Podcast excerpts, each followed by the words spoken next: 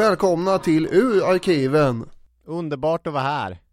Det är lite svalt i arkiven så här varma sommardagar. Ja, man vill ju gärna komma undan den eh, mest tryckande hettan.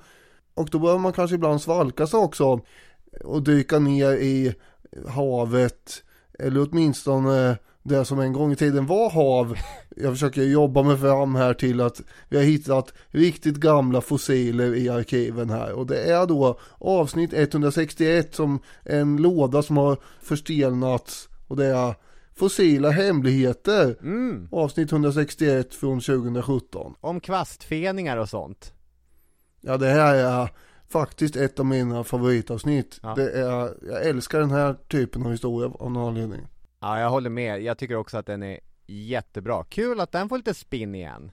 Ja, särskilt kommer man ju tänka på episoden när Erik Stensjö, den här professorn är han väl, han vill ju ha en stor port för sina eh, väkiga bilar på Naturhistoriska museet och så lovar han att ja men vi ska ju ta in en massa dinosaurieskelett och de är ju stora så vi måste ha den här porten. Sen blev det mest nejonögon. Ja, ah, ja, ehm, mycket nöje. Mycket nöje. Om jag och Daniel skulle sammanställa en topplista över våra favoritavsnitt av denna podcast skulle nog bägge två placera avsnitt 23 högt upp på listan. Det handlade om alla de människor, all den förvirring och den kamp mellan tro och vetande som uppdagades på 1800-talet i efterskalven av de stora fossila fynden. Jag rekommenderar varmt att ni lyssnar på det. Det avsnittet baserades på Deborah Cadburys fantastiska bok Dinosauriejägarna. Och när jag för tre år sedan lånade den boken på biblioteket på Högskolan i Gävle så noterade jag ryggen bredvid. Det stod Fossiljägarna. En berättelse om besatta vetenskapsmän och fisken som gick upp på land. Björn Hagbergs och Martin Widmans redogörelse för den Stockholmsskola som under några decennier befann sig i den yttersta vetenskapliga spjutspetsen. I veckan har jag återvänt till den. Det blir vetenskapshistoria och paleontologi när vi beger oss 400 miljoner år tillbaka i tiden. Vad härligt att ni är med oss, nu kör vi lite historiepodd.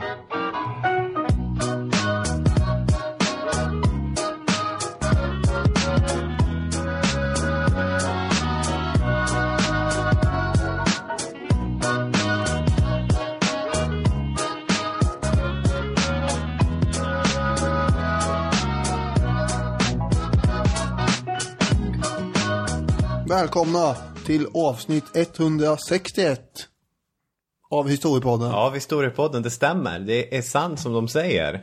Ja, du har gått på semester. Vi har värmt upp inför den här poddinspelningen med att käka, dricka en öl på, eh, på lokal här i Solna. Nu är vi igång. Ja, nu är vi igång. Nu är semesterfeeling här. Ja? Och eh, vi ska väl säga då också att eh, de här, det här avsnittet är lite tidigare inspelat. Det är inte den här veckan vi har spelat in det. Ja, vi ligger före.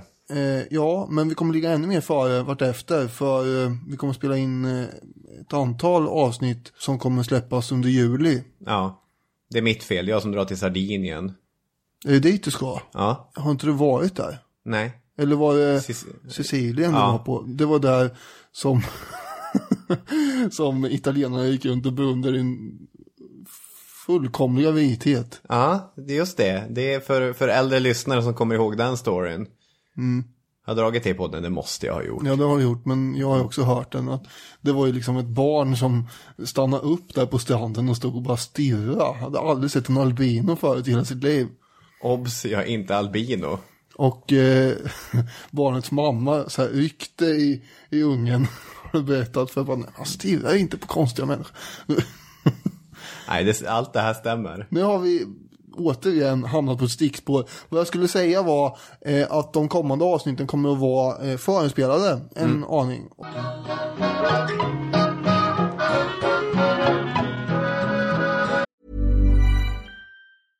Ryan Reynolds here from Mint Mobile. With the price of just about everything going up during inflation, we thought we'd bring our prices down. So to help us, we brought in a reverse auctioneer, which is apparently a thing. Mint Mobile unlimited premium wireless. Ready to get 30, 30, bit to get 30, bit to get 20, 20, 20, bit to get 20, 20, bit to get 15, 15, 15, 15 just 15 bucks a month. So, Give it a try at mintmobile.com slash switch. $45 upfront for three months plus taxes and fees. Promo rate for new customers for limited time. Unlimited more than 40 gigabytes per month. Slows. Full terms at mintmobile.com. Everyone knows therapy is great for solving problems, but getting therapy has its own problems too, like finding the right therapist, fitting into their schedule, and of course, the cost. Well, BetterHelp can solve those problems. It's totally online and built around your schedule. It's surprisingly affordable too. Connect with a credentialed therapist by phone, video, or online chat, all from the comfort of your home. Visit betterhelp.com to learn more and save 10% on your first month. That's BetterHelp H E L P. Millions of people have lost weight with personalized plans from Noom, like Evan, who can't stand salads and still lost 50 pounds. salads generally for most people are the easy button, right? For me, that wasn't an option. I never really was a salad guy. That's just not who I am. But Noom worked for me. Get your personalized plan today at Noom.com. Real Noom user compensated to provide their story. In four weeks, the typical Noom user can expect to lose one to two pounds per week. Individual results may vary. Kommer jobba parallellt här mellan två olika perioder. Den ena perioden är 400 miljoner år tillbaka i tiden. Och den andra perioden är första halvan av 1900-talet. Ja, jag kommer även eh, i en liten bakgrund här. Ta upp andra århundraden.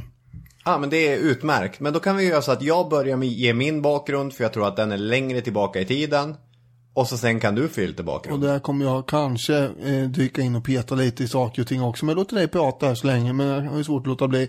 Eh, eftersom jag Är geografilärare. Ja, du har lärt dig det här nu, ja, härligt. Jag har ju låtit dig ta den här pucken eh, av ren vänlighet. Ska vi se.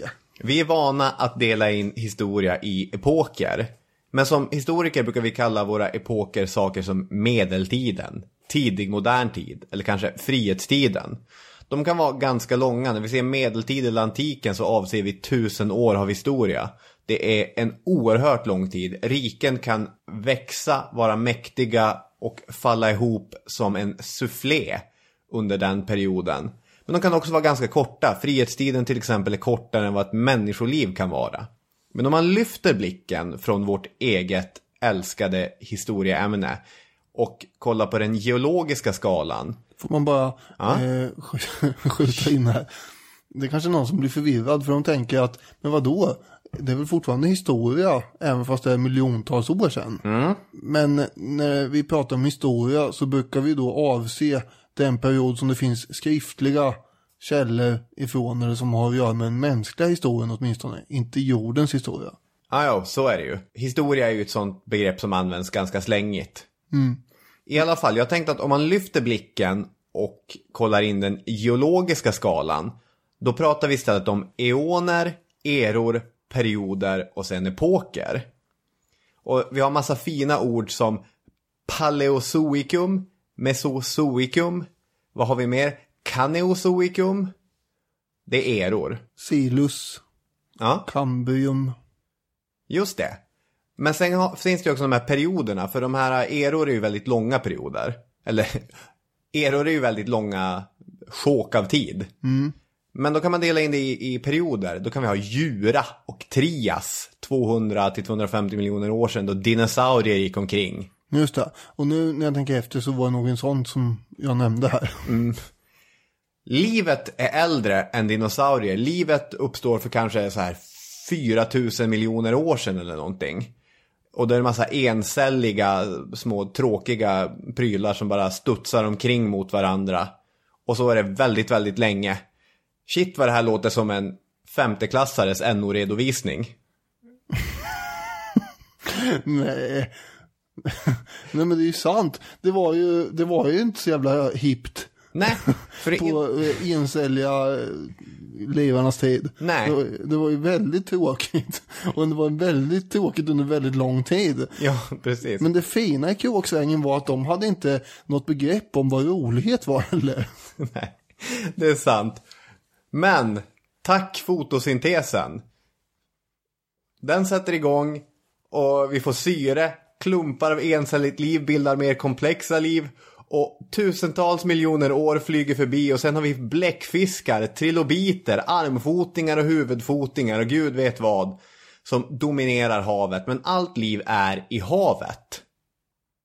Är, ge är, ge är geografiläraren med på det här? ja, ja. Eller sa du armfotingar? Eller vad sa du? Ja, armfotingar. Ja, just det. Ja, ja. Jag har inte en aning om vad det är faktiskt. Nej, de finns inte längre. Det är Nej, det helt obrödbart. 10 meter långa pansarhajar som eh, flyter omkring där fanns också.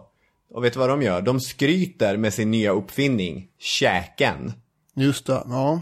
Så att det... är en massa sådana grejer som händer. Och någonting som händer är att först kryper små krälande mångfotingar upp ur livet, havet. Upp ur havet menar jag. Eh, sen spindlar, kvalster och sen kommer fisken. För vi kommer ju befinna oss vid den här perioden Devon 400 miljoner år sedan. Då fiskar, så kallade kvastfeningar, kommer att kravla sig upp ur vattnet. Eventuellt, det här ska vi prata lite grann om. Och säger, fan vad nice det var med land. Den här boken som jag läst, jag tyckte den var väldigt fascinerande. Men jag fastnade också i såna här långa googlingskedjor. När man bara googlar massa gamla utdöda djur. Alltså de här svunna geologiska perioderna och det ger samma otroliga utforskarglädje som jag kände som litet barn när morsan hade varit på biblioteket eller beställt någonting från någon av hennes bokklubbar. Och man fick någon bok med dinosaurier eller sabeltandade tigrar eller hajar eller vad som helst, stora maneter. Vad hette den här eh, som du pratade om i det här avsnitt 23 som vi säkert kommer att referera en hel del till. Ja. Vad var, var den här uh, svanödlan nu igen? Ja, vad heter den? Som du hade på din vägg sa du. Ja, den är ju fantastisk. Plesidosaurus, nej. Ja, kanske. Ja, det här är ju, det är ju hemskt. Är det inte Ichthyosaurus? Ichthyosaurus kanske Ja. det. Hur som helst, alltså allt sånt där älskade jag. Och när jag läser om paleontologer så känner jag samma utforskarglädje att det är ju verkligen den mest pojkrumsaktiga eller flickrumsaktiga men så här barnets fantasi och upp, utforskarglädje nerkokat i vetenskap. Och en sak jag aldrig har fattat i den klassiska sitcomen Vänner det är att de driver med Ross för att han har ett tråkigt jobb. Så fort han börjar prata om paleontologi så är allas favoritskämt att man så här låtsas somna. Hey everyone. Oh hi. Hey, uh, well, today's my first lecture, and I kind of wanted to try it out on you guys. Do you, do you mind? Yeah, that'd be great. Sure. Okay. Ja. Och vad är de andra? De är, någon är typ ekonom och någon är arbetslösa. Som att det skulle vara mer spännande. Men är det inte Det är nörd? sånt jävla akademikerförakt Ja, där. jag håller med dig helt och hållet här. Men är det inte nördigheten på något sätt som de hackar ner på? Ja, jo. Så kan det vara. Han är, inte- inte så tufft helt enkelt kanske. Nej. Fast det borde vara det. Särskilt på den tid vi ska prata om. Det var ju jävligt tufft kan jag säga. Riktiga Indiana Jones-typer. Mm. Och det kanske inte är Ross där bakom sitt skrivbord där och, och så. Men, men ändå. Nej. Eh, sen hade jag tänkt komma in på Charles Darwin, men du kanske vill dra klockan längre tillbaka än Darwin? Bara för att tydliggöra här. Eh, jorden eh, tillkommer för 4,5 miljarder år sedan. Mm. Och om man säger då att man brukar omräkna det här i, i eh, ett år. Tänka ett, ett år, 12 Ja, månader. Då, Den kosmiska kalendern. Just det. Då eh, uppstår det encelliga livet någonstans runt midsommar. Så det är ganska jättelång tid innan det ens uppstår något liv. Ja. Det är ju ett eh, fullkomligt eh, infernaliskt eh, lavahelvete på jorden väldigt länge i början. Och det är kometer som kommer farande och bara bombarderar jorden väldigt länge också. Och tar med sig också då saltmolekyler och sånt som ger upphov till vatten vartefter. Men de här 12 000 år gamla byggnaderna som vi satt och svindlade över förra avsnittet. Vad är det? De näst sista minuten av det sista dygnet. Den Ja, 31 jag tycker- januari. Jag tycker fortfarande att det är svindlande. Det kan man inte ta ifrån, ta ifrån oss. Nej, men när man tar hela jordens eh, livsexistens Ja, då- så blir ju allt det där klassiska Carl Sagan-talet, eh, Pale Blue Dot, där han får hela mänsklighetens historia, alla krig, alla liv som har spillts, att vara, det är bara ett, ett stoff i, i rymden. Every saint and sinner in the history of our species lived there, on the mote of dust, suspended in a sunbeam. The Earth is a very small stage in a vast cosmic arena. Det var lite bakgrund om eror och eoner. Du har lovat lite bakgrund också. Vi kommer att prata mycket om fossiler här ju. Och då eh, kommer man ju att tänka på hur har man eh, sett på fossiler genom historien egentligen. Grekerna och romarna, de hade sina idéer om det här. De hade ju inte en så här jätteavig inställning till fenomenet förändring överhuvudtaget. Nej. Och den här Demokritos till exempel som pratar om förändring och nödvändighet. Det vill säga att saker och ting kan förändras i naturen. Just det. Kanske så var de här fossilerna spår av ett tidigare djurliv tänkte man. Aristoteles, en bekanting, han, eh, han tänkte sig att eh, liv kunde växa upp ur marken bara pop, eh, liksom hur som helst. Som svampar. Ja, det är visserligen liv, men jag tror att han tänkte mer djurliv och Ja. så. Och då skulle de här fossilerna i så fall vara miss, eh, någon form av missväxt i den processen som inte lyckades. Men egentligen var man mer intresserad av astronomi och annan eh, form av filosofi på antiken än att kolla på vad som fanns i bergen. Ja, just det. Sen har vi då medeltiden. Ja, för om jag bara får komma med mina fördomar så säger jag att kristendomen är mindre road av tanken på förändring. Och det har ju sina skäl då. Eh, och det beror ju på att eh, Gud skapade ju för eh, tusen hakar jorden vid ett tillfälle och alla levande varelser vid samma tillfälle. Ja, det tog en vecka. Och sen var det slut, punkt. Ja. Och då går inte riktigt det här ihop då att, man skulle, att det skulle kunna skapats i olika omgångar och så. Olika arter och så vidare. Fossil, det var ju en, en helt enkelt, ja det var ju djur tänkte man sig som inte fick plats på arken. Ja, just det. För att... För att det var ju bevis för syndafloden tänkte sig de eh, eh, kristna medeltidstänkarna. Ja. Sen kunde man då eh, i och för sig kanske ifrågasätta det här eh, eftersom man hittar mycket fossil inne i som sagt berg, bergsutrymmen. Och hur var det nu, skapade inte Gud det, det första han gjorde? Och så kom syndafloden långt, långt senare. Ja, det här är då ett, någonting som faller bort från den rådande förklaringen. Och enligt den här Thomas Kuhns teori om paradigmskifte så måste det ju ett eller två sådana fel kan man tolerera. När det blir för många fel, då kommer det till ett paradigmskifte. Så att man kanske kan hitta någon bra bortförklaring till varför de där har hamnat inne i bergen. Man orkar inte fundera så mycket på det helt enkelt. Man tänkte inte eh, vidare på det för att man behövde inte. För att det var ändå kyrkan som hade monopol på allt. Ja, Och så var det bra med det.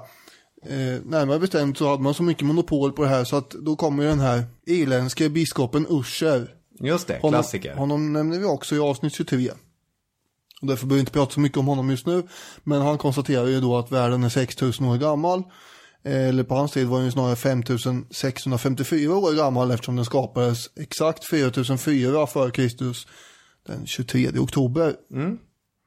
Och han hade ju räknat väldigt noga på det här i alla släktled och så i Bibeln och andra judiska texter. Så han hade ju, han hade ju koll på de där bitarna just hur han skulle räkna ut det. Vi skrattar ju väldigt mycket åt det där i, i dinosaurieavsnittet. Gjorde vi det?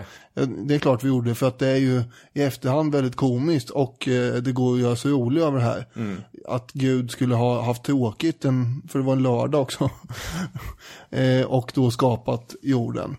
Men eh, att han har jobbat mycket med det där, det går inte att ifrågasätta. Nej, utifrån de givna förutsättningarna så är det ett gediget arbete. Det stora problemet är att det är fullkomligt fel Ja, det är Och- problemet. och att det, kommer vara den så att säga verklighetsbild som fortsätter råda eh, väldigt länge. Först i slutet på 1700-talet så kommer ju då personer som George Cuvier, Mm, kända baronen. ja, Linné också med på ett hörn. De tänker sig fortfarande då att Gud har skapat allting men de har lite andra grepp på det hela. De vill som man säger lägga i dagen Guds hemligheter. Eh, Cuvier är ju bland annat känd för sin teori om flera massutdöenden och så. Och sen har Gud skapat nytt då istället tänkte han bara.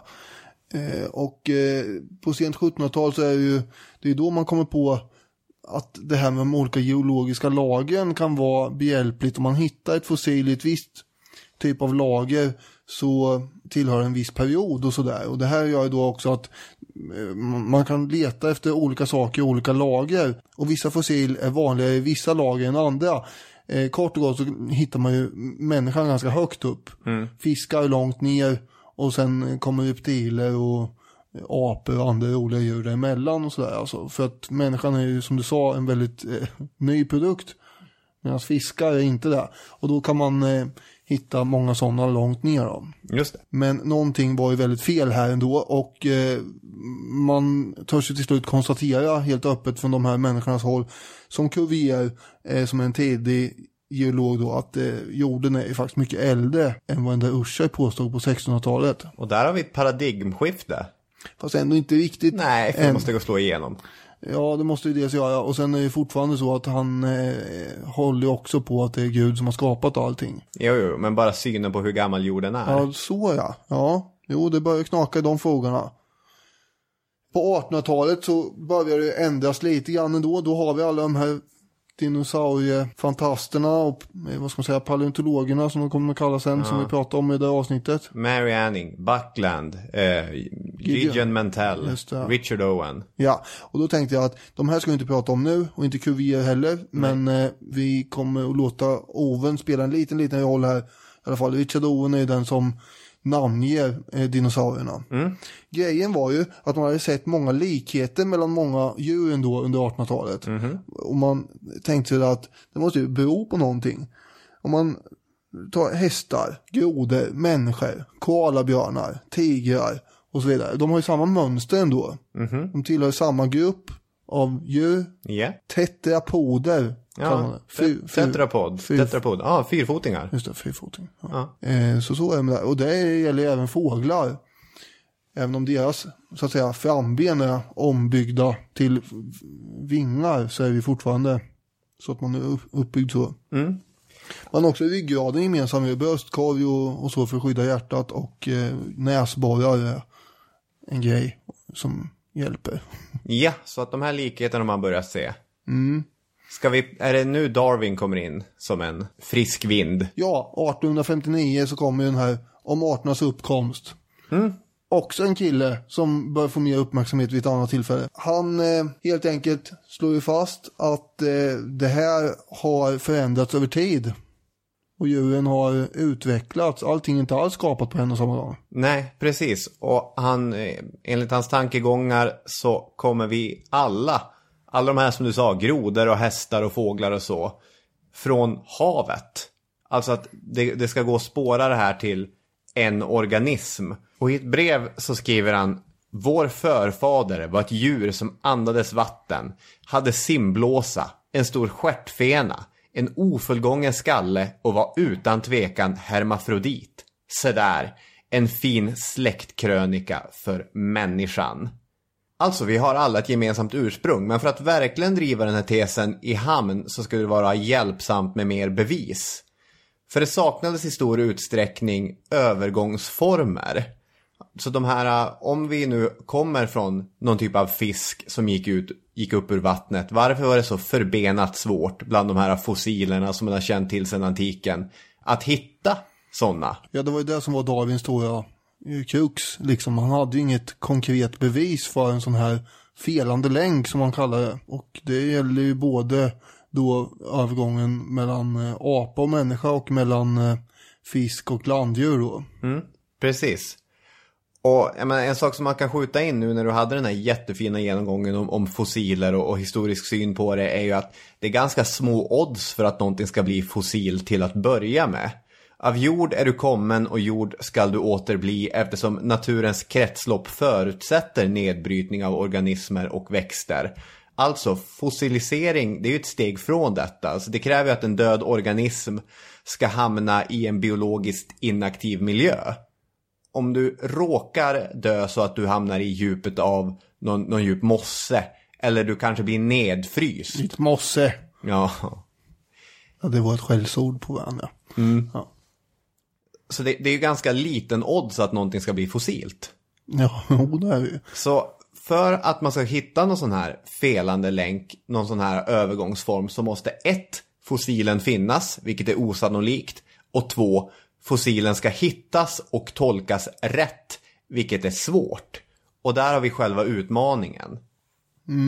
Men tänk om man hittar en, eh, ett, ett djur som liksom ställer allt över ända här då. Ja. Som man gjorde på 1800-talet med en amazonforskare, en tysk som kom hem till Europa eh, och hade med sig en fisk som var en fisk. Men som också hade lungor. Ja. Lungfisk. Och det här blev ju stort huvudbry bland alla. Vad är det som händer? Man hade ju liksom delat in världen så praktiskt, eller Gud hade gjort, i eh, landfota djur med näsborrar och allt det där. Och sen hade vi eh, fiskar. Ja. Och nu kommer det en rackare här som då liksom kan både andas och tydligen vara i vattnet. Men då har vi ju vetenskaplig expertis i form av Richard Ja, Owen. Den här fiskjäveln kommer att hota hela Guds skapelse. Ja. Nu ska Richard Owen då sätta eh, sina eh, stiletter, höll jag på att säga, i, i den här. Det finns få historiska aktörer som du har ett lika starkt horn i sidan till som Richard Owen. Jag tycker att jag har, jag har eh, rätt att ha det. Ja. Och det förstår man om man sätter sig in lite i vad det var för typ av karaktär. Ja. Helt enkelt. Han var ju en eh, psykopatisk mytoman helt enkelt. Som inte kunde låta bli och skarva med allting bara för att få sig själv att framstå. Ja, ja, ja. Hur tar han sig an lungfisken? Ja, jo, han är ju anatom också, som sagt. Eh, och, och det gör ju då att han vet hur man skär och grejer. Ja. Det var också därför han faktiskt kunde göra vissa eh, framsynta insikter ändå om hur dinosaurierna var skapade och sådär. Så att han inte är utan kunskap, vilket vi också har slagit fast tidigare. Men i det här fallet så kommer han fram till att det finns ju ingen öppning mellan näsborrarnas gångar och andningsorganen Nej. i den här lilla, Lilla firren. simpla lungfisken som en vanlig fisk då helt enkelt. Så att den kan inte alls hålla på att andas på något annat sätt. Inte. Nej, den använder sina lungor för att lukta eller något sånt där. Ja, Ja. Och nu kunde ju alla gudfruktiga människor andas ut här. Var nära. Ja, det var skönt. Han har återställt ordningen. Vad man då glömmer bort eh, är ju som sagt då att, eh, att vem det är som har gjort den här undersökningen. Att eh, Richard Owen är lika pålitlig ungefär eh, som, eh, alltså han har lika mycket forskningsmoral som en eh, speltorsk ungefär på ett kasino eh, till Hak skulle ha om man låter den personen ta över reskassan. Ja, ni fattar vad jag menar här. Han har ju dragit en vals givetvis. Eller så har han varit väldigt nonchalant i sin undersökning och missat en massa olika saker. Som till exempel att den här fisken har ett överarmsben i fenorna. Eh, och eh, alltså har ett skelett som andra fiskar inte har. Det här överarmsbenet är ju ganska eh, relevant då. Eh, och kommer visa sig senare spela väldigt stor roll. Eh, Inte så långt efter att han har utropat den här fisken till en vanlig fisk så hittar man ju fossil som påminner väldigt mycket om den här lungfisken som just har eh, starka ben i fenorna. Och man börjar kalla dem för kvastfeniga fiskar. Ovens världsbild kommer ju helt enkelt bli väldigt mer och mer ifrågasatt. Och eh, man säga så här, det är inte hans period andra hälften av 1800-talet utan det kommer bli Charles Darwins era mer och mer. Ja, det här skämtet kommer jag återanvända under avsnittets gång. Men kan man säga att Richard Owen, ironiskt nog, blir en dinosaurie? Jo, ja men det, så var det ju. Jag vet inte vad jag ska tycka ibland om det här med att man eh, har känslor inför historiska karaktärer och så. Men jag tycker också att det är roligt att driva med Richard Owen just för att han är, jag tycker att han, han kan ha det. Och det finns andra karaktärer som jag med tycker man kan göra. Men jag tänker så här att om vi skulle lägga fram uppsatser vid Linköpings universitet eller Umeå universitet eller vad fasen som, som helst. Då ska inte vi sitta där och i alla fall i text ska det inte framgå att vi tycker saker Nej. om Richard Owen. Det skulle man inte ha gjort, nej. Men nu har vi... Men nu sitter vi här framför de här mikrofonerna i vår egen podcast och försöker vara underhållande, folkbildande, men vi gör också det här för att vi vill prata om saker. Vi tycker ju saker. Exakt. Och här får jag tycka saker. Ja, så att vill du dra in en råsopa på Richard Owen så gör det. För mannen har inte rent mjöl i påsen. Nej, och eh, det är bara att lyssna på avsnitt 3 då ja, om man vill återigen ha koll på det. Vad man också kommer fram till är, eh, i och med de här kvastfeniga eh, fiskfossiler man upptäcker, att man kan kanske ta och ringa in var, eller snarare när, ungefär, väldigt ungefär, som de här fiskarna gick upp på land. Och det var då på ett litet spann på 50 miljoner år, mellan 400 år, miljoner år sedan och 350 miljoner år sedan. Ja. Så, eh, så då började jag börja gräva i de lagen så att säga.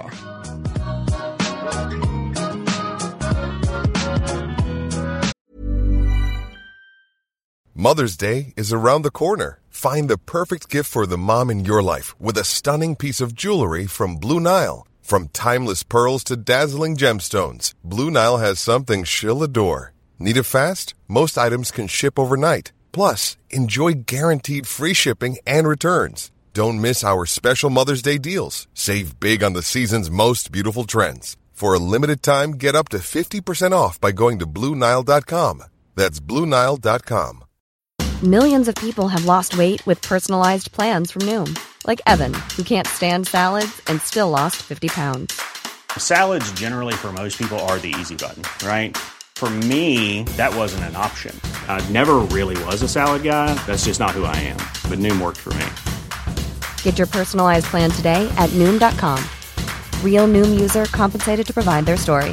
In four weeks, the typical Noom user can expect to lose one to two pounds per week. Individual results may vary. I'm Sandra, and I'm just the professional your small business was looking for. But you didn't hire me because you didn't use LinkedIn jobs. LinkedIn has professionals you can't find anywhere else, including those who aren't actively looking for a new job but might be open to the perfect role, like me. In a given month, over 70% of LinkedIn users don't visit other leading job sites. So if you're not looking on LinkedIn, you'll miss out on great candidates like Sandra. Start hiring professionals like a professional. Post your free job on linkedin.com/people today.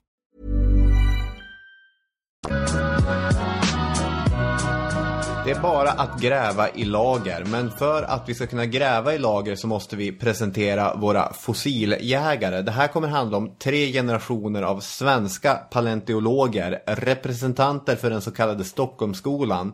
Vi ska jobba kronologiskt så vi ska presentera Erik Stensjö, Gunnar Säve Söderberg och Erik Jarvik.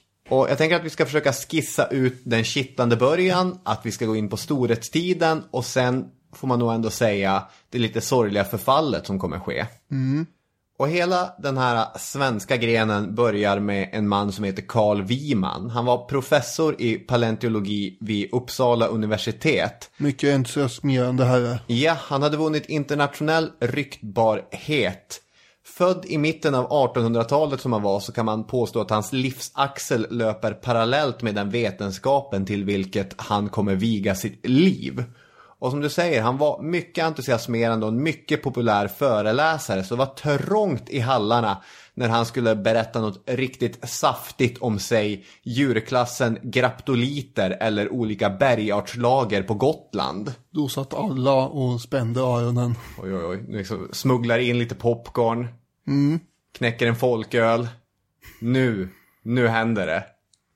Och en av dem... du- Blir inte du ibland avundsjuk eh, på något sätt? Hur tänker Ja, på vad då? Det är inte bara Wiman jag tänker på nu utan eh, jag kommer inte ihåg, det är någon mer sån här eh, karaktär, ett antal som Mm. vi har pratat om tidigare som har haft en himla förmåga att eh, jag kommer inte ihåg vem det var nu, men locka till sig folk i eh, klassrummen. Jo, men det var väl, eh, Jag tänker, var inte Olof von Dalins lärare? jo, eh, och Erik Gustav Geijer hade ju också mycket folk som ville komma och lyssna på honom och, och så. Ja. Du har en podcast med fruktansvärt många lyssnare där du sitter och mässar om olika Ja, historiska händelser. Ja, just det, det är sant. Det är Jag tänker- snyggare om någon annan säger det. Nu sa jag det i och för sig, men... Men jag tänker på mitt klassrum, där har man inte samma entusiasm. Och det är viktigt. Och Nu är inget illa om mina elever, men jag, jag ser framför mig hur, hur, hur folk liksom köper biljett för att komma in Mm. eh, här. Ja, så är det. Om man ger eleverna ett rakt val. Vill ni stanna hemma, käka tacos och, och spela Mario Kart eller vill ni gå på föreläsningen? Det är inte många som dyker upp på föreläsningen. Ja, nej.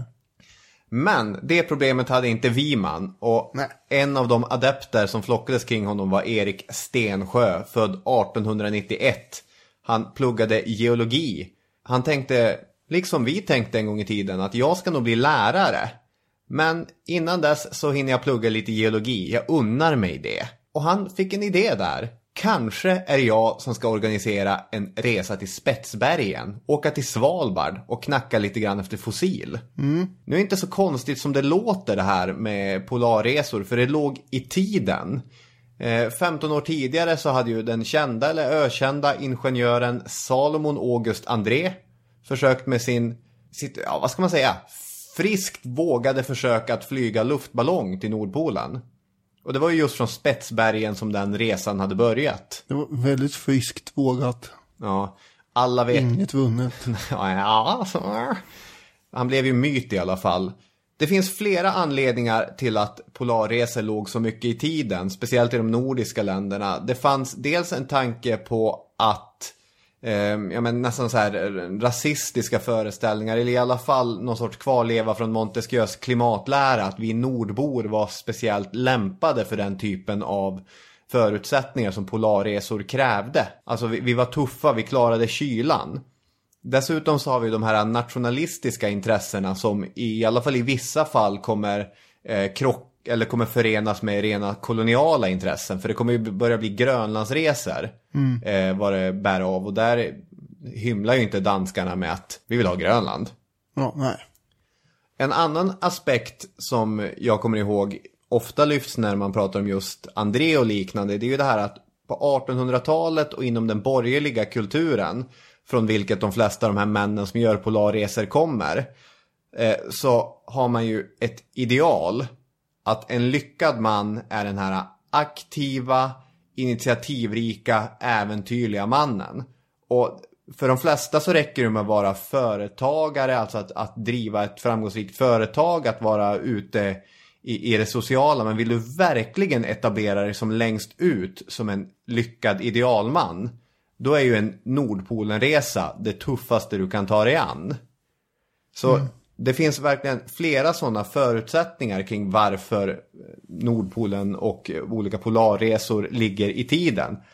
Nu är alla det här strukturer och strukturer fungerar för att förklara generella drag. Sen gör ju varje person har ju egna individuella orsaker till sina resor. Stensjö ville hitta fossiler. Mm. I samma period här ungefär så har vi ju också några som tävlar om att försöka ta sig först till Nordpolen. Just det. Det har vi också gjort ett avsnitt om för övrigt. Avsnitt 25. Ja, just det. Den här unga då, han är väl knappt 20 år fyllda, eller precis 20 år fyllda när han stegar in till professor Wiman och säger att jag tänker att jag skulle kunna leda en expedition till Spetsbergen.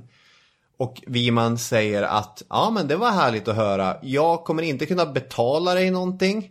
Utan det här får du slant ut ur egen ficka. Men jag kan nog hitta några som kommer vilja följa med dig. Och jag lovar att ge dig akademiskt stöd för det här. Så fyra ivriga unga adepter sätter sig på ett svenskt kolfartyg. Och beger sig till Spetsbergen. Och planen var ursprungligen att Stensjö bara skulle lämna över materialet och fortsätta sina lärarstudier. Men så kommer ej bli fallet efter några strapatsrika månader när man kommer hem med, med fullt med fina fossiler från ganska långt tillbaka, 200-250 miljoner år tillbaka i tiden. Så Stensjö har ju fått blodad tand för det här. Mm. För okej, livet i fält är kallt och kargt och stundtals farligt. Flera gånger under den första resan så är de illa ute. Det är skepp som försvinner och kommer tillbaka och, och det är dåligt med mat. Men det finns ju så fina fossiler. Det här är ju någonting man vill fortsätta med. Så det kommer bli en till resa. Och en till resa. Och tillsammans med Wiman, den här professorn, så börjar födas en idé. Du kanske inte ska bli lärare, eller läkare, eller alla de här planer du haft. Du kanske kan få ihop en doktorsavhandling. Du ska bli paleontolog. Vad han kommer att ägna sig åt under en period här i alla fall är just medicinstudier. Mhm. Eh, han tänker ju så länge att han ska bli läkare som sagt. Och sen på dagarna så gäller det då att, att jobba med de här fossilerna som han har tagit hem också. Ja, för det blir ett sånt avtal mellan han och professorn att professorn tar på sig att analysera alla groddjur som finns i det här fossila Mm. materialet. Men fiskarna får Stensjö ta hand om. De tar han hand om ja. Mm. Sa vi det att den här expeditionen var 1913? Nej, det gjorde vi inte. För det är då han gör den första men sen kommer han ju då och hålla på och trixa och fixa med de här hela tiden och Mm. plocka med dem väldigt mycket. Han åker ju på en ny expedition också 1915. Ja. Eh, Då han håller på att stryka med på något sätt i och för sig eftersom eh, båten börjar läcka. Och, ja, det är mycket strapatser Mm. eh, på eh, sådana här polarfärder helt enkelt. Men han får ju med sig en massa fossil hem där från de där spetsbergen. Och han blir ju eh, lite grann eh, någon form av expert på eh, trias. Mm. Och det är ju just eh, på vattenlevande djur under trias för 250 miljoner år sedan. Det här är ju en period då som redan har fått ganska stort intresse bland pa- paleontologerna eftersom det är reptilernas era som drar igång där då. Ja, här finns det stora, stora djur. Fiskarna kanske är lite mindre spännande. Det är de han eh, väljer att fokusera på ändå. Vi har också den här superkontinenten Pangaea som brer ut sig över klotet just då. Det är tung atmosfär med eh, fullt av koldioxid och klimatet är varmt och fuktigt och det är då som de här kräldjuren verkligen frodas ju. Det är krokodiler och salamander och hela högen Mm. här. Men han eh, riktar han sig in sig på fiskarna helt enkelt. Och han kommer resa runt ganska mycket också. En period är han i England och en period är han i, i Wien. Och någonting som är ganska otidsenligt är att engelska blir hans eh, forskarspråk. Annars, Sverige på 1920-talet var ju oerhört tysk eh, influerat. Och 1921 så är hans doktorsavhandling klar. Den heter Triassic Fishes from Spitsbergen. Och den här den får högsta betyg när den går upp där efter, när han ska försvara den vid Uppsala universitet. Och i boken beskrivs det, det här firandet som, som sker i, i Uppsala och professor Wiman går längst fram i tåget med, med Men blombukett blomkvast och- så han är jättelycklig den här 54-åriga professorn över att hans kära eh, student där har dragit det här i hamn. Han såg ju till också att sätta upp en väldigt, eh, ska man säga, Sträng. sträng och aggressiv opponent för att ingen skulle kunna ifrågasätta att han hade fått eh, en match liksom. Men det Nej. gick ju hur bra som helst. Stensjö var ju mer nervöst lagd eh, inför det här. Mm. Men det gick ju bra som helst. Jag ser ju framför mig hur, för Wiman dansar ju fram. Han kanske har tagit lite väl många öl eller något på den där krogen de var på. Ja, jag ser också fram, du ska få fortsätta berätta, men jag tänker att det är den här liksom, eh, introtonerna till Paul Simons You Can Call Me Al. Och Du, du, du, du, du, du, du, du. Och så stämmer han ju upp till allsång där. Han viftar ju så mycket med den där blomsterkvasten att eh, alla blommor ramlar av. Och, ja, de har ju väldigt gemytligt där i alla fall. Ja, det är en härlig stund. Ja, Wiman är mycket stolt. Eh, men får jag backa lite här bara, för jag tycker det är intressant när han är i England 1916 också. För den han är hos där, det är ju, eh, familjen heter Bater. Och den svenska frun som heter Stina där är ju svåger till Carl Larsson.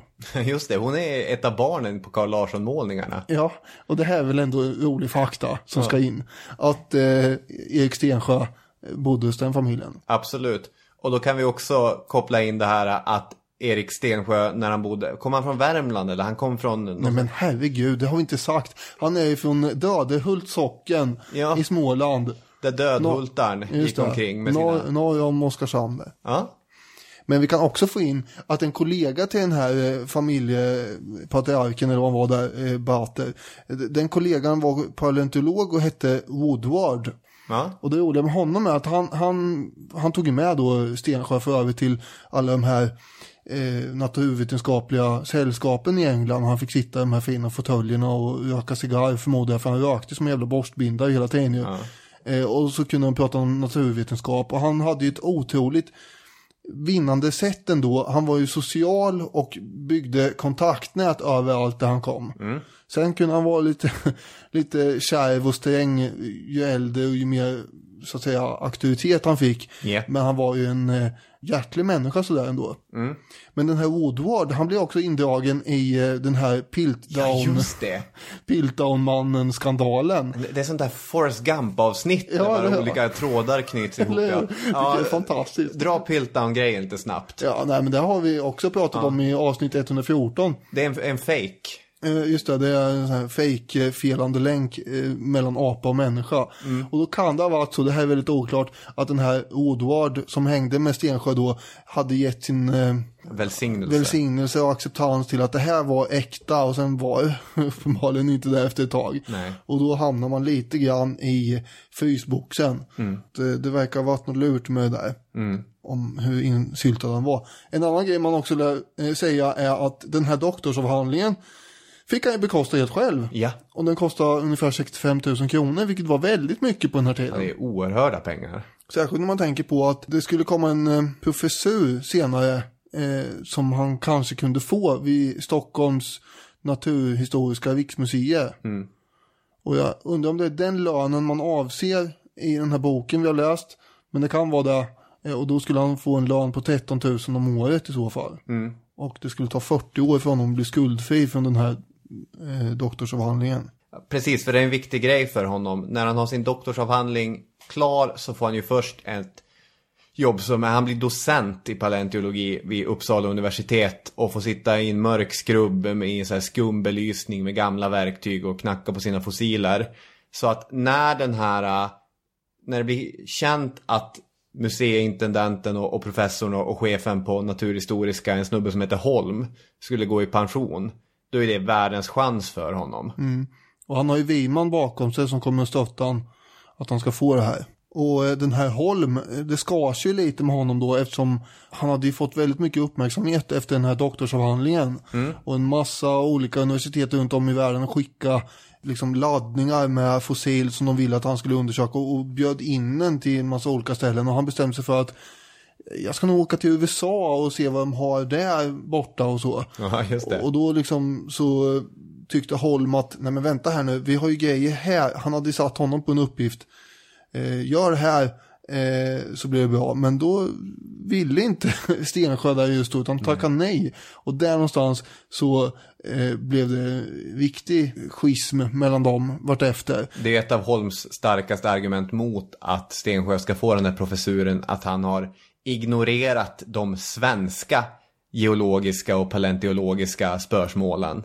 Just det. Så han kommer ju göra allt för att motarbeta att eh, Stensjö ska få den här professuren i Stockholm. Mm.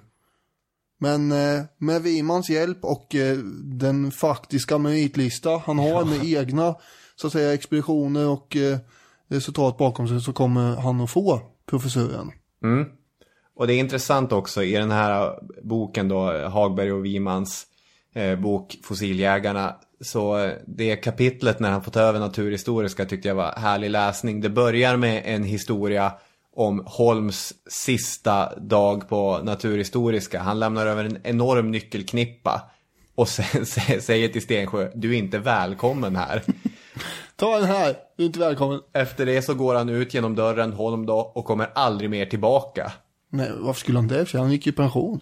Ja, ja, men man kan tänka sig att, att Men jobba på ett det sånt ställe är, är ett kall. Naturhistoriska är ju en underbar plats. Jag har varit där två gånger sedan jag flyttade till Stockholm. Eh, Och aldrig har du tagit med mig. Ja, men vi kan åka dit någon gång.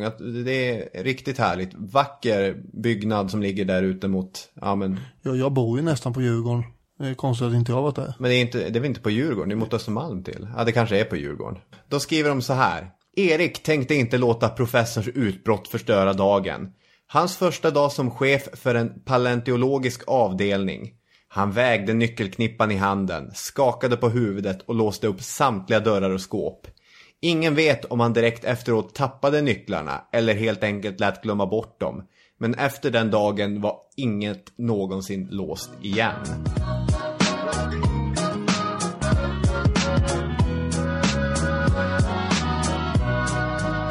Så att det som händer nu på Naturhistoriska är ju en total omdaning av hur det har gått till där. Därför att även om man tog sina första steg som fossiljägare så kommer det ju bli i labbet eller framför fossilerna som Stensjö verkligen kommer bygga sitt rykte och befästa sitt arv. Från att ha suttit i det dunkla ljuset i Uppsala så kommer han bygga upp en anläggning i världsklass i Stockholm. För hans grej, det var ju jämförande anatomi. Innan vi hade genetik som visar hur vi delar arvsmassa med olika arter. Vi är väl typ 65% sjögurka eller något sånt där. eh, så hade vi detaljerade studier av organismers gemensamma drag och det var sättet man fick jobba med. Eh, Den jämförande anatomin utgår från antagandet att likheten mellan till exempel lungfiskens ben i sina fenor och våra ben i våra armar, det måste bero på ett släktskap. Samma skelettdelar bygger upp armen hos en människa, frambenet hos en sköldpadda, fenan hos en haj, vingen hos en fågel och så vidare och så vidare. Och dessa kan med jämförande anatomi spåras tillbaka till de tidiga tetrapodderna, alltså fyrfotingarna som gick upp på land. Och Stockholmsskolan gjorde flera sådana här tekniska framsteg. Man tog fram nya verktyg som inspirerades till exempel av tandläkarborrar. Så att man skulle sitta, slippa sitta med hammare och liten mejsel utan istället på elektrisk väg kunna skala bort allt den, alla de här mineralerna som sitter kring fossilerna. På det sättet snabbare blottlägga hemligheterna. Mm. Får jag skjuta in två saker här? Ja, Eh, för det första när du säger Stockholmsskolan Ja. så eh, naturligtvis så det är inte ekonomi. yrkesskadad som man är så tänker man ju att eh, ekonomi. Men det finns en annan Stockholmsskola också inom paleontologi då. Ja. Så vi klargör att det är två olika varianter. Ja. Och det andra är att han var ju väldigt eh, övertygad om eh, att Darwins evolutionslära stämde. Och vad han var expert på egentligen var ju de här fiskarna under Trias. Men eh, där kommer man ju inte hitta någon felande länk inte. Eh, och det var ju det som man började bli mer och mer intresserad av. Om man skulle få stora rubriker, eh, vilket skulle gynna den ekonomiska situationen för museet, så var det väl den här felande länken mellan fisk och eh, tetrapod som man skulle hitta. Och han började intressera sig mer och mer för, för det. Och då måste man tillbaka längre tillbaka än de här 200 eh, miljoner åren. Och eh, till 350-400 miljoner Ja, år tillbaka. Till. De- Devon. Ja, dubbelt så lång tid. Nu är, du in, nu är du på väg in på riktigt sexiga och intressanta saker. Jag tänker bara skjuta in en lite tristare sak innan. För det som Stensjö framförallt blir känd för, det är ju den här metoden serieslipning. Mm. Och om man bara kort ska berätta vad serieslipning är. Jag gör gärna det. Ja, för problemet är ju att fossiler blir tillplattade. Mm. Och man vill ju ha fossilerna i 3D. Mm. Så serieslipning, det var att man bakade in fossilen i ett skal av gips. Och sen väldigt, väldigt långsamt så skivade man upp den här. Man gjorde tunna skivor som var ungefär en tiondels millimeter. Och varje skiva skissade man av eller fotade. Och på det sättet så fick man långsamt, långsamt en 3D-modell av de tillplattade fossilerna. Det här var en metod som ursprungligen kom från en brittisk paleontolog men som Stensjö och Naturhistoriska verkligen gjorde till, till en, en perfekt vetenskap. Så att i början så var han oerhört progressiv och skapade en världsledande forskningsinstitution. Sen när han hade de här verktygen så vägrade han ju förändra någonting. Ja, men då var det kunde inte bli bättre, tänkte han då. Nej. Eh, och då lär man väl säga att eh, hösten 1925 så kommer ju ett mycket välbevarat fiskfossil inskickat till Stockholm från hans kompisar i Kanada. Han har ju knutit kontakter där också. Eh, på 53 centimeter och det är 400 miljoner år gammalt. Och då sätter han igång med den här slipningsmetoden och det är för att få fram eh, 3D-konstruktion då. Eh, Och det tar ju ett litet kick bara på 25, 25 år. Åh, oh, vad långsamt. Det går så långsamt det här. Varje, varenda dag ska man hålla på med det här. Eh, och eh, det är ett otroligt pillande ju. Mm. Det är ofattbart vilket tålamod. Den här fisken då, eh, Han ger ju den namnet Eustenopteron. just det. Eunesto, ja, Eustenopteron. Det här är en kvastfening. Ja, det är det ju. Och den kommer ju att, eh, han kommer ju att pyssla med den väldigt länge, under 25 år som sagt.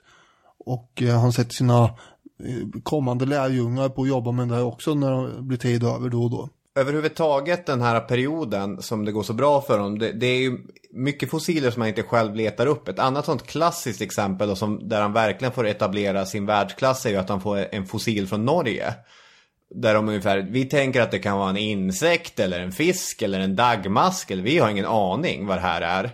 Men eftersom han var så skicklig i jämförande anatomi som eh, då är att man försöker hitta likheter och skillnader i anatomin mellan olika organismer helt enkelt. Ja. Till exempel mellan nu levande och utdöda organismer. Precis, så tänker jag, eller ganska snabbt så lyckas han utforska hörselgångarna och hjärnan och ser att Nej men det här är ju de här superäckliga fiskarna som finns i svenska bäckar och, och sjöar och grejer. Mm. Det här är ju för fasen en nätting, det här är ju ett nejonöga. Ja, precis. Och det intressanta med de här små rackarna är ju att De har inte utvecklats på de har ju 400 miljoner år. utvecklats väldigt lite.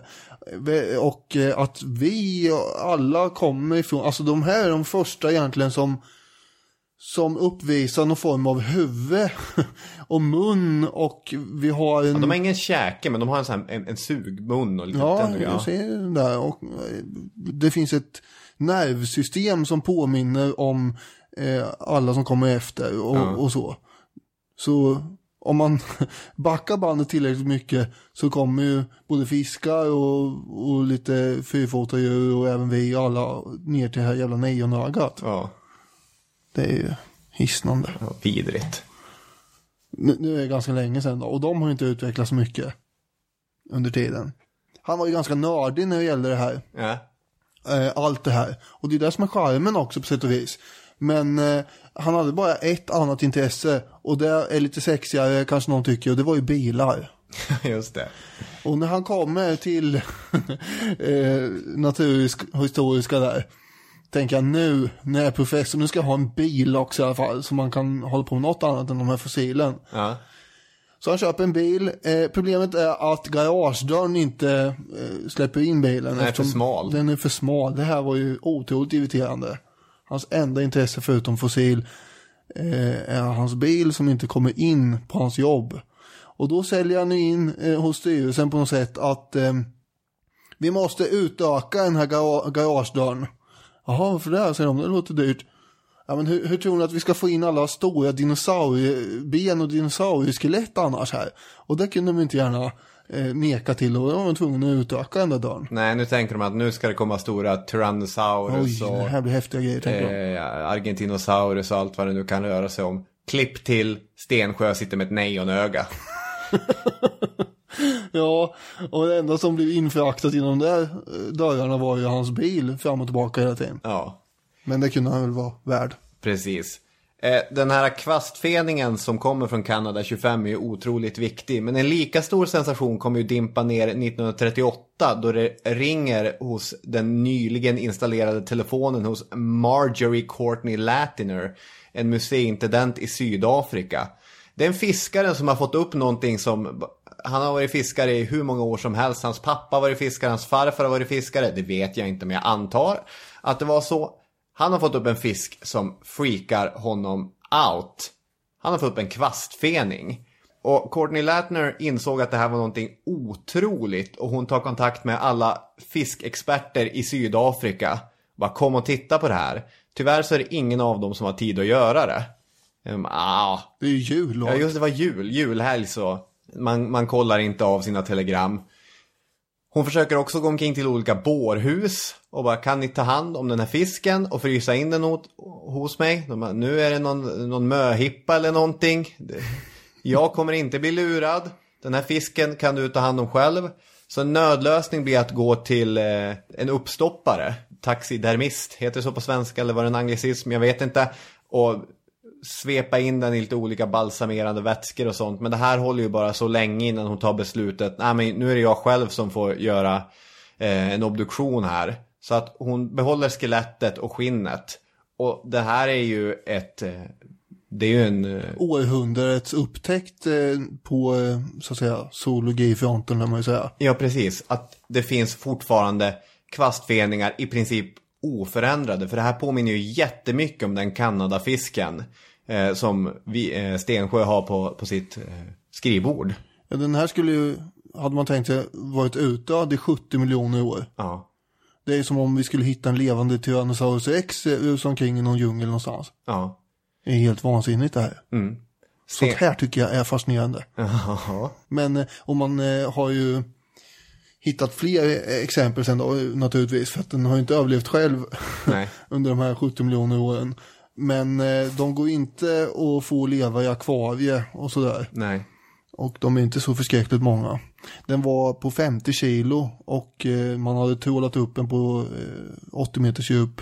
Precis.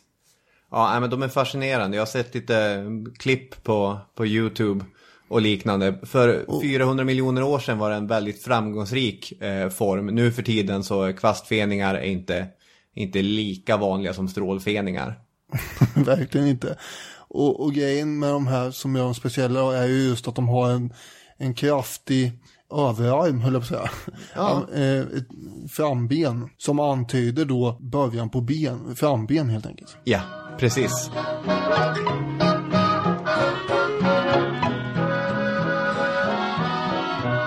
Stensjös tid som fossiljägare kanske var över, men det kommer knacka på dörren och den danska expeditionsledaren, geologen och polarforskaren Lauge Kock kommer föreslå att ska vi inte göra lite resor till Grönland?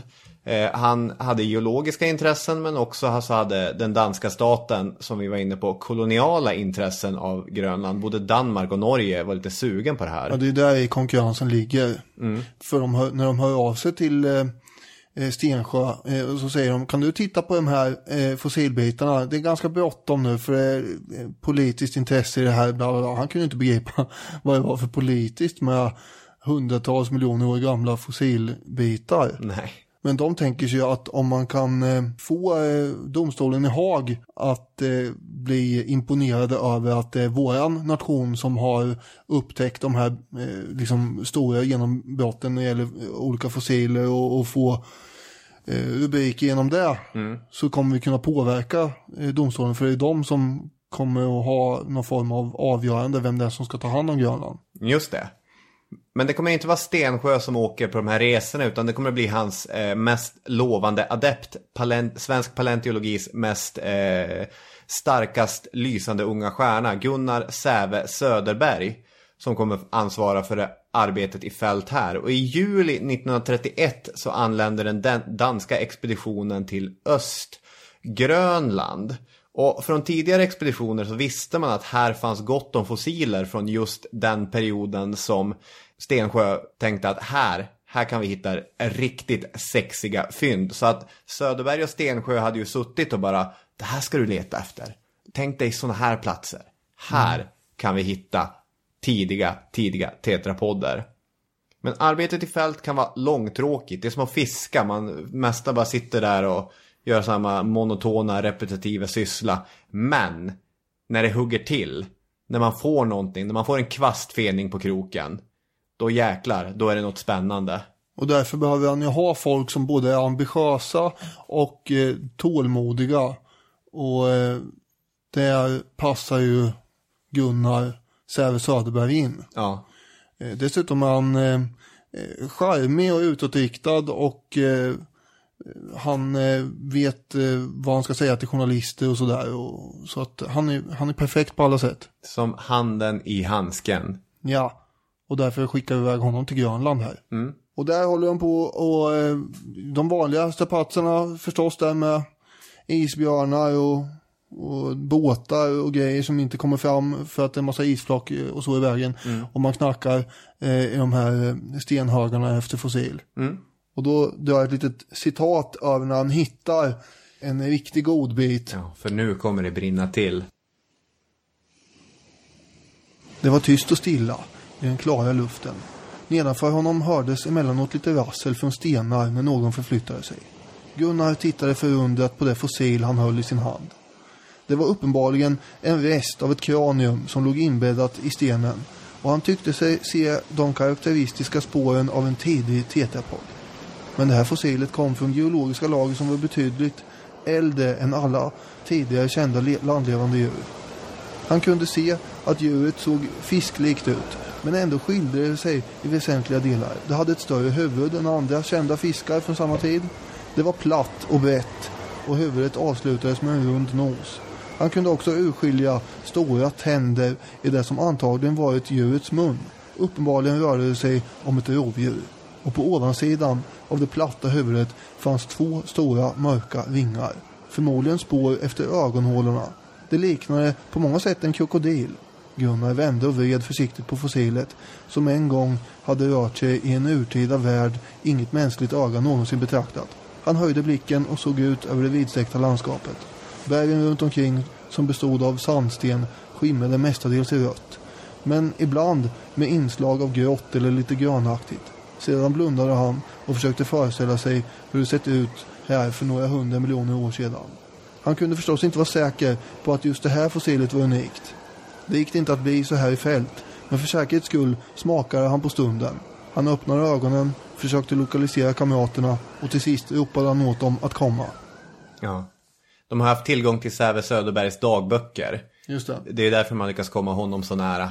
Ja, det där är ett ögonblick. Det är nästan som att hitta en 12 000 år gammal eh, kultplats på en kulle i Egypten. Ja, jo, så är det. Det, är snarlikt. Fast Det- det, det svindlar ju ännu mer här.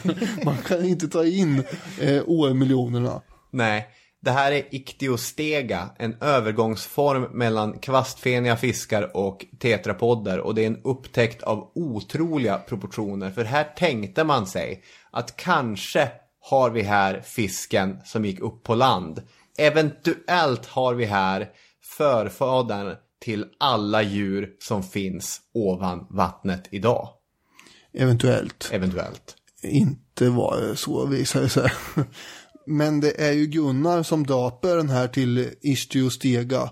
Och det betyder fisktak. Eftersom man tycker att eh, eh, skallen ser ut som eh, en fisk och så. Men eh, han säger ju själv till journalister och sådär att det här är inte en exakt övergång mellan fisk och tetrapod. Det här första fyndet de gör också, det är ju viktigt för, för Kock, den här expeditionsledaren, att det ska inte ske något stort offentliggörande heller. Han är ganska obekväm med att eh, Söderberg överhuvudtaget diskuterar det här i vetenskapliga kretsar. Därför Kock är ju rädd för att det här ska bli ett svepskäl för andra kolonister att göra en massa Grönlandsexpeditioner. Så det man gör istället är att man planerar in en andra resa till Grönland året efter. 1932. Mm, precis. Och Säve Söderberg han fick flytta in på Naturhistoriska museet och sitta där och dona med sitt kranium. För det var inte helt klart när han åkte heller. Nej, verkligen inte. Utan han säger att ja, jag hoppas att det är jag som ska få titta på de här fina fossilerna Mm. som vi har. Och på den här andra expeditionen eh, året efter så är ju en annan kille med som vi också lär föra in i sammanhanget och det är ju Erik Jarvik. Just det. När eh, de är där då så gör de ett nytt fynd som de dock inte hinner titta så noggrant på utan de pratar mest om det. Man brukar göra så att man tar itu med grejerna när man kommer hem utan när man väl är där så gäller det bara att samla ihop så mycket fossil som möjligt och sen sätta etiketter på vilka lager och så så får man kolla på det här hemma i lugn och. Precis. Men de hade ändå diskuterat lite grann vad var speciellt med den där grejen. Men när de kom tillbaka där då, det här är ju då i början på 30-talet. Eh, Man kan tänka sig att eh, ja, depressionen har sugit tag i världen. Det finns inte mycket att vara glad över. Men de här polarmänniskorna är ju enastående hjältar ändå. Det är ju riktigt uppiskad stämning kring det här när de kommer till Köpenhamn då. Ja. Och den här eh, Lauge Koch, han hyllas ju otroligt mycket för de här, eh, åh vad modiga ni är som åker iväg och, och vilka stordåd ni har gjort. Har ni gjort några stordåd förresten? Eh, Och då säger den här Koch, ja, redan förra året så hade vi ju faktiskt en grej som kanske kan bli något. Men vi har gjort nya grejer här i år, oj oj oj vad Grönland borde tillhöra oss ungefär. Så det är ju stora eh, världsrubriker överallt i all världens press faktiskt kring, kring det här. Det är viss relevans i det här att det är en dansk expedition. För de här fossilerna i officiell mening så tillhör de danska staten. Mm. Eh, men eh, Kock då, han kommer förhandla fram ett avtal att det är, det är svenskarna, det är de här eh, svenska paleontologerna som ska få forska på dem. Och när deras studier är färdiga, då ska de lämnas tillbaka till, till den danska staten. Men fram tills dess så ska de vara på Naturhistoriska, där Söderberg och Stensjö och gänget ska sitta och peta i dem. Man kan ju dra ett exempel på hur Gunnar som håller på att bli en någon form av megahjälte Ja, en och riktig kändis. rockstjärna. Ja, jag tycker det är fascinerande här med på 1800-talet så var de här upptäckarna eh, superduper kändisar. Ja. Och nu är det paleontologer här som är superduper kändisar. Och, och, det här är ju, det är ju jättekul. Det fanns andra superkändisar på 30-talet också. Jo, det gjorde men jag har svårt att se att en paleontolog eh, skulle bli det nu på Nej. samma sätt. Men det finns ju- Ross blir ju hånad till exempel istället. Ja, men det finns ju forskare liksom som eh, Hans Rosling blev ju en superkändis. Jo, visserligen. Det är ju sant. Mm. Eh, men så här beskrevs inte Hans Rosling riktigt väl. Få höra. Han har funnit de äldsta groddjuren, vilka i viss mån närmar sig fiskarna och han är fylld av ädelt ärgiriga förhoppningar att hitta nya underdjur till sin vetenskaps fromma. Den unge naturvetaren, fylld av det stillsamma lugn som skapar situationens man och utrustad med ett gott och friskt lynne som är nödvändigt under expeditioner där omväxlingen är en sällsynt krydda. Heja Gunnar! Heja Gunnar! Tre snabba punkter. Det paleontologerna kanske har bra tider, men du sa att det var ekonomisk tillbakagång och vi vet ju vad som kommer ske. Kriget kommer bryta ut och Söderberg kommer bli inkallad. Två.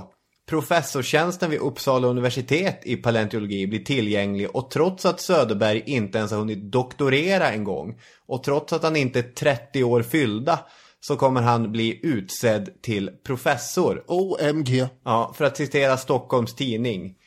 Rekryten 595 vid Uppsala regemente blev professor igår. Ja, just det. Det är svårt att kalla in. Ja, Ja, fast han blev inkallad. ja han var inkallad då. Men han, medan han satt där under beredskapsåren och jag vet inte, kokade kaffe någonstans. eh, Så blev han professor. Tre, Söderberg har fått TBC och det ständiga hostandet kommer bara tillta. Alltså, Naturhistoriska blev av med sin stjärna i och med att han gick till Uppsala. Men Erik Jarvik, den här andra lovande unga paleontologen, kommer ersätta Söderberg. Men vad som kommer ske i förlängningen är att även om Söderberg överlever kriget så överlever han inte med många år. För 1948 har TBCn spridits och den tar hans liv.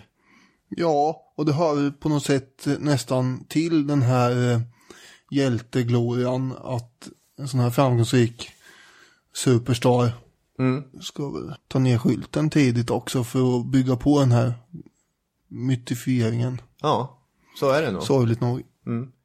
Så vad som händer istället är att Jarvik blir lite motvilligt befordrad. Det, det är nu han som ska ansvara för nya expeditioner och det kommer bli hans livs uppgift att slutföra det arbetet som Söderberg hade inlett. Det här är Stensjö som bestämmer. Ja. Nu är det du som gör det här Erik. Vilket antagligen inte var det som eh, Jarvik själv hade gjort om han hade fått välja. Nej, han hade ju hållit sig i eh, bakgrunden kan man säga, i skuggan lite grann. Eh, Dels för att han inte var lika framåt rent socialt som Gunnar var till exempel. Nej. Han var en inbunden människa och sådär. Han var ju kunnig men han hade kanske inte samma känsla exakt som Gunnar och eller Stensjö för fossil egentligen. Nej, han bodde ju alldeles här i närheten i en lägenhet i Solna. Mm. Och ja, men hans barn har ju berättat det här att enda gången pappa var rolig var när vi Ja. lekte Grönlands expedition. Och det är i och för sig är ju, beror på samma sak som eh, med Stensjö och här. det är för att han jobbar hela tiden. Ja, jo. Han bodde ju på jobbet. Ja, absolut. Det är ju familjeliv och allt det här har ju offrats på paleontologins altare.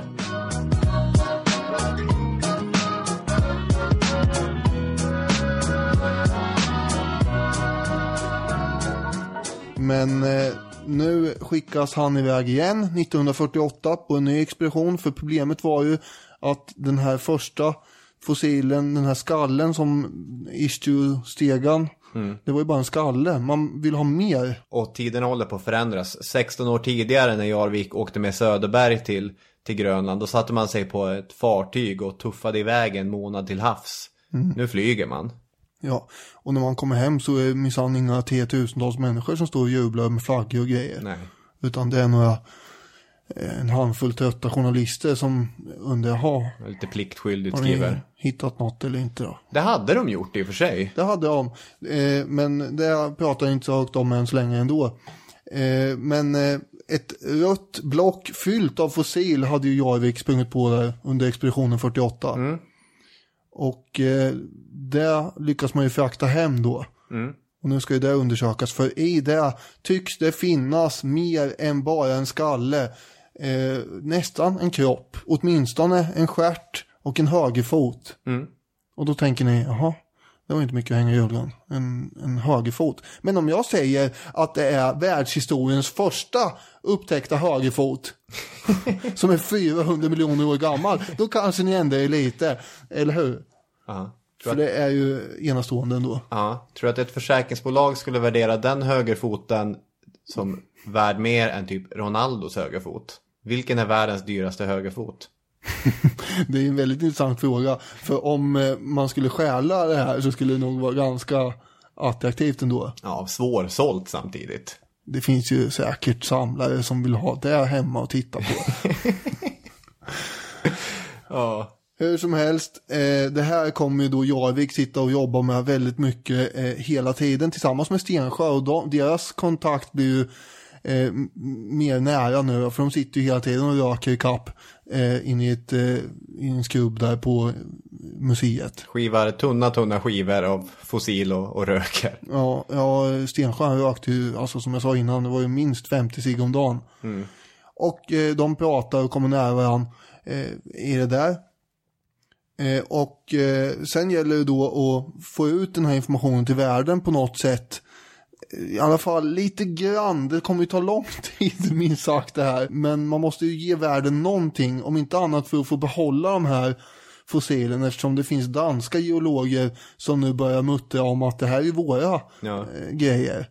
Men Koch, eh, som har lett de här expeditionerna, han är ju inne på att låta svenskarna behålla det här. Mm. Och det är också, ska vi komma ihåg, Naturhistoriska museet i, i Sverige som har eh, en aura och en, eh, så att säga, En är av storslagenhet. Det är, det är en väldigt respektabel institution. Det har en stjärnglans. en stjärnglans ja. Mm. Eh, och därför så vill man ju låta dem fortsätta med det här. Mm.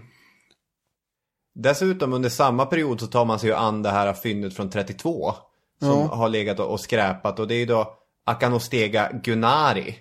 Just det, det är Jarvik som eh, döper till, eh, till det, eh, Gunnari, eh, av ja, Förklarliga skäl, det är en heder hyllning. Precis. till Gunnar. Eh, och den är också väldigt intressant då. Mm. Det är också en variant av en fisk med fyra ben. Mm. Men eh, han eh, presenterar ju den här eh, istiostegan i en vetenskaplig eh, kortare rapport. Eh, problemet med det här fossilet är att bakbenen är vända bakåt.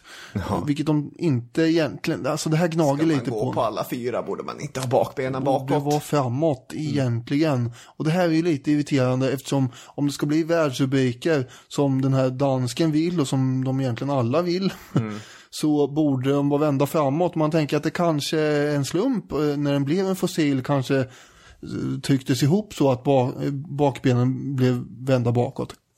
Men det kan ju också vara så att det helt enkelt bara är fenor som paddlar fram och att det inte egentligen är några bakben. När han skissar den 1952 för första gången. Då skissar han den som den faktiskt ser ut. Just det, i den här rapporten. Ja, med benen vända bakåt. Eh, tre år senare när den mer utförliga texten kommer. Då har han vänt på benen. Ja, det är en populärvetenskaplig beskrivning som Koch, den här dansken, har övertalat honom att göra. För att han vill att det ska nå ut till allmänheten också. Mm. Och då kostar han på sig att vända på bakbenen. Så att de ser, då ser det ut som en, eh, någon form av ödla. Mm. Och det är den beskrivningen sen som når ut till världens skolböcker. Eh, och alla får sitta och, och läsa att så här såg eh, djuret som gick upp på land upp, Mm. ut. Grejen är att tiden har börjat springa ifrån Stockholmsskolan. Jarvik och Stensjö trodde på den så kallade pöl-teorin som den amerikanska paleontologen Alfred Romer hade lanserat. Tanken var att de här äh, kvastfeningarna eller tidiga tetrapodderna hade använt benen inte för att ta sig från vatten till land utan från vatten till vatten. Romer trodde nämligen att de här fyndplatserna som man hade hittat fossilerna på, att det hade varit väldigt heta och torra eh, landskap. Och det berodde ju på att man hade hittat det i eh, de här eh, sandstensblocken som är röda. Och då tänkte man att de- är röda för att det var ökenklimat. Mm. Och då hade Romer flera egentligen hypoteser eller tankar som alltså, det är ju det är bra gissningar. Att om de levde i olika pölar, alltså i, i sötvatten eftersom det gjorde lungfiskar till exempel. Då skulle det vara bra med lungor, för då kan man andas lite grann ovanför ytan också. Och om de här torkade ut de här pölarna, ja men då är det bra med lite ben för då kan man hasa sig till något annat vatten i närheten. Där man fortsätter att häcka. Problemet med den här teorin är ju att, att den, är inte fel. stämmer. Nej, det är fel. Det är helt felaktigt. Och även dess skapare kommer ta avstånd från den. Ja, eh, som sagt, eh, den här Romer börjar också kritisera Jarvik sen och Stensjö, för de har ju gått och blivit ganska konservativa här, vill inte ändra på några eh, idéer. Deras eh, främsta idé är ju också att det inte bara är en ursprungsart art som har gått upp, utan det är två åtminstone så att säga eh, fiskdjur som har förvandlat ben och tagits upp. Just det, man, man pekar på att salamandrar och människor kommer inte från samma organism. Och världen eh, och dess andra forskare är ganska överens om eh, vid den här tiden och fortfarande att så eh, var det inte utan det var en art. Mm. Så att i flera avgörande frågor så blev Stockholmsskolan isolerad och som du sa konservativ. Och det här faktumet att man hade egenrätt på alla de här unika fynden och eh, till och med, alltså man, att man hade egenrätten till och med det att forskningsarbetet blev färdigställt. Det kunde ju driva de andra paleontologerna vanvettiga. Att, Det fanns ju, det, det fanns fossiler och material att titta på. Men de var inlåsta i någon skrubb i Stockholm med, med två eh, knarriga gubbar som inte ville lämna, ifrån sig det där. Ja, och även liksom, de, man får ju börja få kritik från yngre eh, forskare vid institutionen. Där det finns vittnesmål om att man har hindrats från att publicera eller man till och med har jagats bort från vetenskapen om man hade mag att kritisera de här två herrarna. Så att de blir, och nu återanvänder jag mitt skämt, ironiskt nog, dinosaurier. Så här står det i, i boken. Vill man vara snäll kan man säga att Jarvik var född i fel tid. De slutsatser han drog var omoderna och kritiken för det var massiv. Mm. Den här eh, visar sig ju bland annat fel på grund av att en massa andra fossil tydde ju på att det inte alls eh, rådde något torrt och varmt eh, eller så- så att säga ökenklimat utan det var tvärtom väldigt frodig vegetation eh, och eh, fullt med växter och, och stora träd som hade ramlat ner förmodligen i, i vattnet och nästan som mangroveträsk. Ja.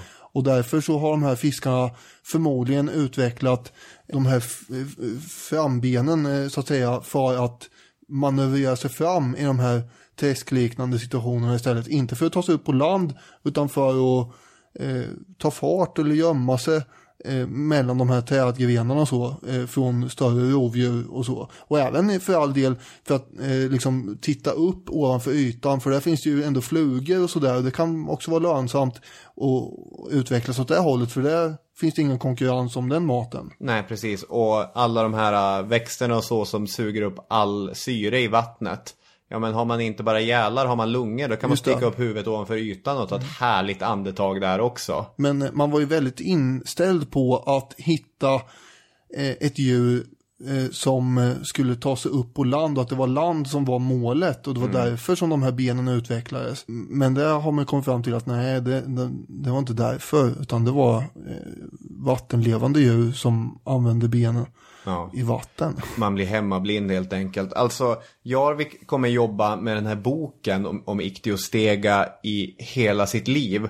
Och arbetet med boken hade blivit ett evighetsarbete. Jag kopplar det till eh, Brian Wilson, geniet bakom Beach Boys. 1967 så skulle man släppa uppföljaren på Beach Boys klassiska album Pet Sounds.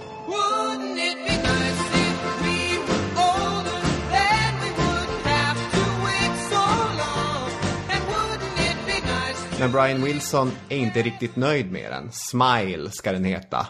Att han lyssnar på Beatles och tänker att fan, Sgt. Pepper är ganska bra. Jag ska putsa lite grann till på Smile. Och lite till. Och lite till. Lite till. Och lite till. Och helt plötsligt så har det gått, säg en 40 år. Och det är 2004. belongs there left with her liberty never Och när den här knarriga, darrhänta, sönderknarkade eh, gamla popstjärnan släpper musik som var avsedd för 1967. Mm. Även om han själv är nöjd. Så är det inte riktigt så att kritikerna är hals över huvud. Och Mm. bara, vad härligt att du fick färdigt din skiva 40 år för sent. För när var han 89 år gammal, Jarvik, när han äntligen anser sig färdig med Och sitt då- arbete då om hade han Ichthyostega. Han hade ju fått en stroke också 1994. Ja. Eh, och då eh, någonstans så började han ju eh, inse att eh, hur ska det gå med min bok egentligen. Hans eh, dotter hade suttit vid, vid sängen och eh, så hade han eh, slagit upp ögonen och sagt hur ska jag nu få klart boken? För då hade han väl, då hade väl gått upp för honom att alla de här decennierna och de han har jobbat med eh, och allting, de behöver få ut den här eh, informationen. Det är liksom hans livsuppgift som egentligen har lagts i knäna på honom av den här Stensjö. Ja. Eh, men eh, han känner väl att nu måste det här ut. Och 1996 är det då Mm. som eh, boken äntligen släpps. Precis. Den blir ju sågad eh, i de vetenskapliga kretsarna. Men det finns också något fint i att han fick fullborda sitt livsverk. Ja, och när både, när han dör eh, 1998 och även tidigare när Stensjö hade dött så kom det ju ändå in väldigt mycket så att säga kondolenser och eh, hyllningstelegram runt om ifrån hela hela eh, universitetsvärlden. Framförallt så eh, var det väl så i och för sig att man hyllade så att säga verksamheten före andra världskriget. Det var ju mest där man lyfte fram. Ja. För det var ju då de låg i framkant. Mm. Idag så har man ju dels beskrivit, som, eh, som du var inne på, till exempel Ichthyostega, hur den levde i, i grunda vatten bland växter. Man, man har ju också insett att det är en återvändsgränd. Det är inte Ichthyostega eller någon av de andra fossila kvastfeningarna som är vår förfader. Och det här står i slutet av, av boken vi har läst. Någon har jämfört chansen att hitta den verkliga förfadern bland Devontidens fyrbenta fiskar med att gå på en slumpmässigt utvald kyrkogård någonstans på jorden och hitta en egen förfader bland alla dessa gravstenar. Chansen är ganska liten att vi skulle hitta rätt. Men det är en jämförelse som haltar. Det är betydligt mindre chans för en fossiljägare att hitta den fossil som gav upphov till de landlevande djuren. Däremot skulle man kunna upptäcka att bland alla gravar på kyrkogården finns personer som man är närmare besläktad med än andra. Med hjälp av de gravlagda karaktärsdrag skulle man kunna rita ett släktträd över sitt förflutna.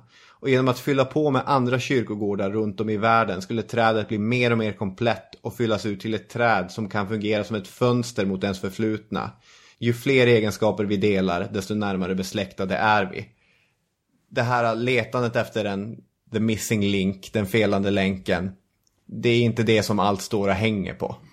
Nej, men å andra sidan eh, måste vi också säga att 2006 så har man ju hittat ett djur som eh, tycks vara väldigt nära en felande länk åtminstone som eh, är fisk men som eh, har kunnat ta sig upp på land och den kallar man ju då för Tiktaalik. Ja. Och eh, den ligger väldigt, väldigt bra till för, för det. Man har hittat en himla massa andra eh, fossiler som då eh, har varit djur med de här egenskaperna som eh, Ichthyosaurus och Acanthostega eh, och sådär. Men det är som sagt ingen av dem.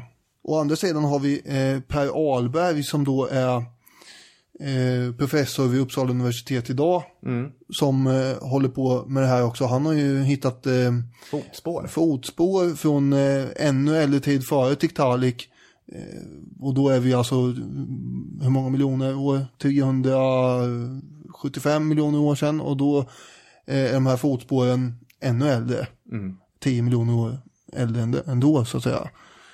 Så att det går att skjuta några miljoner hit och dit fram och, tillbaka på det här. Men jag tycker ändå att det är intressant att vi, den här Alberg var ju också med 1987 med en tjej som heter Jenny Klack. Som, eh, hon var ju väldigt trött på att den här Jarvik aldrig kom ut med den där boken. Mm. En eh, brittisk eh, paleontolog är väl hon? Eller är amerikansk. precis. Ja, hon är britt. Eh, och hon kom över eh, en del fossil som låg och skräpade i någon låda någonstans i Cambridge. Och upptäckte då att eh, det här var ju bra grejer, vart har de hittat det här? Och, och då fick hon fram den exakta platsen eh, på Grönland och eh, fick en möjlighet att åka dit och la fram egna teorier om det här. För att det stod ju väldigt mycket på sparlåga eh, den här perioden och forskningen kring den under tiden Jarvik satt på det här materialet. Mm.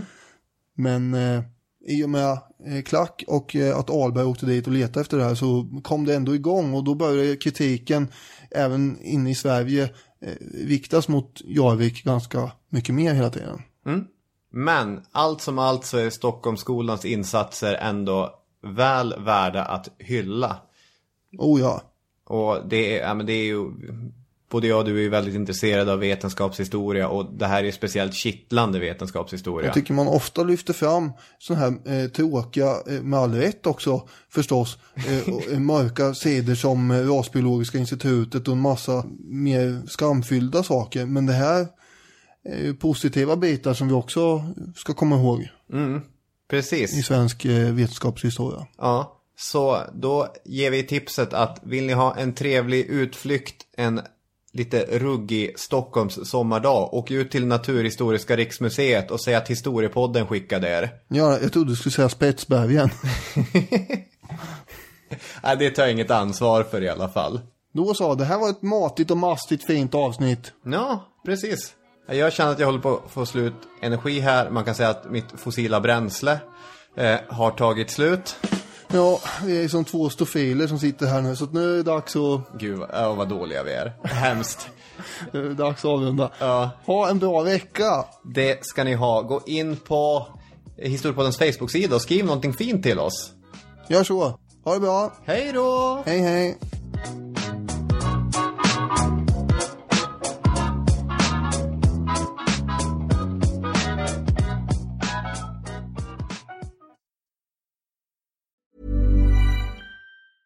Planning for your next trip?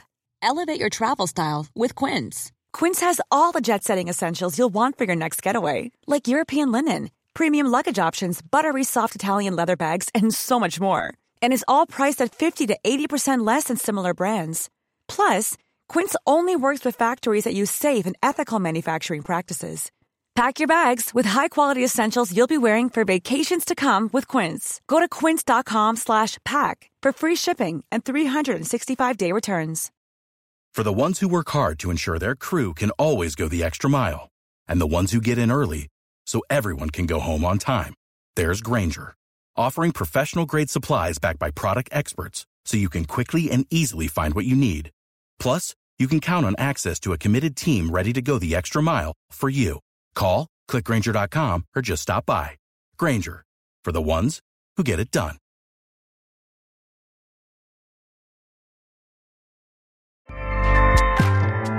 ACAST powers the world's best podcasts. Here's a show that we recommend. I'm Ina Garten. Welcome to Be My Guest, the podcast. One of the best gifts you can give friends is spending time together. But what's even better than that? Cooking with them. On Be My Guest, the podcast, new friends and old stop by my barn for some conversation and great cooking. We talk about food, life, and everything in between.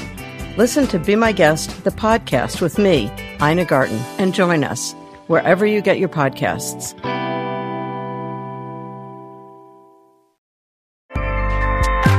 ACAST helps creators launch, grow, and monetize their podcasts everywhere. ACAST.com.